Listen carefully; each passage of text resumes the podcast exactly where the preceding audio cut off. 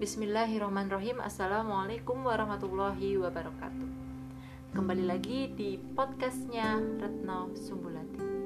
Di sini aku mau membahas tentang tematik kesehatan Yaitu ada dua hal Yaitu yang pertama sehat dengan sholat dan infak.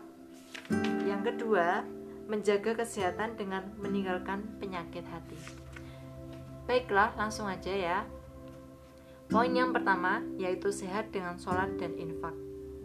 Di sini ditunjukkan di surat Al-Baqarah ayat ketiga.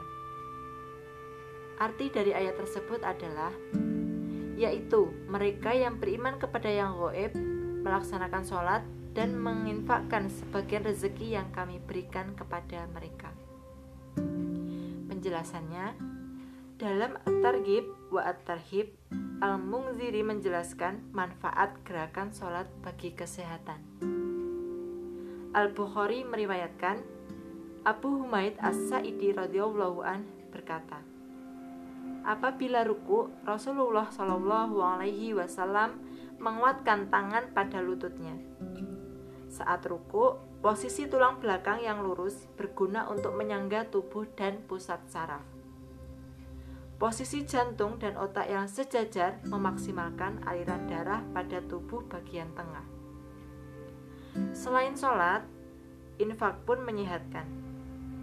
Hal ini sejalan dengan riwayat At-Tabrani bahwa sedekah dapat menolak 70 macam bencana. Yang paling ringan adalah kusta dan sopak. Selanjutnya, di poin yang kedua, yaitu menjaga kesehatan dengan meninggalkan penyakit hati. Penjelasannya di ayat yang ke-10 yaitu artinya terlebih dahulu ya. Dalam hati mereka ada penyakit. Lalu Allah menambah penyakit itu dan mereka mendapat azab yang pedih karena mereka berdusta. Penjelasannya ke tematik kesehatan dalam satu Al-Lahfan, Ibnu Qayyim menjelaskan bahwa penyakit hati sangat berbahaya. Allah Subhanahu wa taala mencela orang yang berpenyakit hati yaitu syahwat dan subat. Syahwat adalah maksiat badani seperti berzina, membunuh, dan mencuri. Subat berhubungan dengan hati seperti nifak, ragu akan kebenaran Islam, dan menolak hadis sahih. Penyakit syahwat sering muncul pada orang munafik, Penyakit hati lainnya adalah dengki. Dengki dapat menimbulkan keguncangan jiwa. Pendengki akan membenci orang yang mendapatkan nikmat Allah Subhanahu wa taala.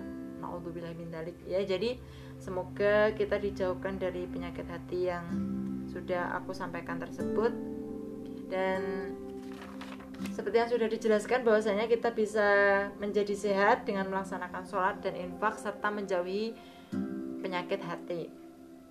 Semoga dimudahkan dalam melakukan kebaikan dan tetap ya berlomba-lomba dalam kebaikan. Semoga apa yang kita lakukan bermanfaat untuk di akhirat kelak.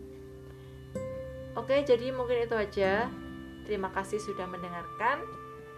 Tunggu podcast aku selanjutnya. Wassalamualaikum warahmatullahi wabarakatuh.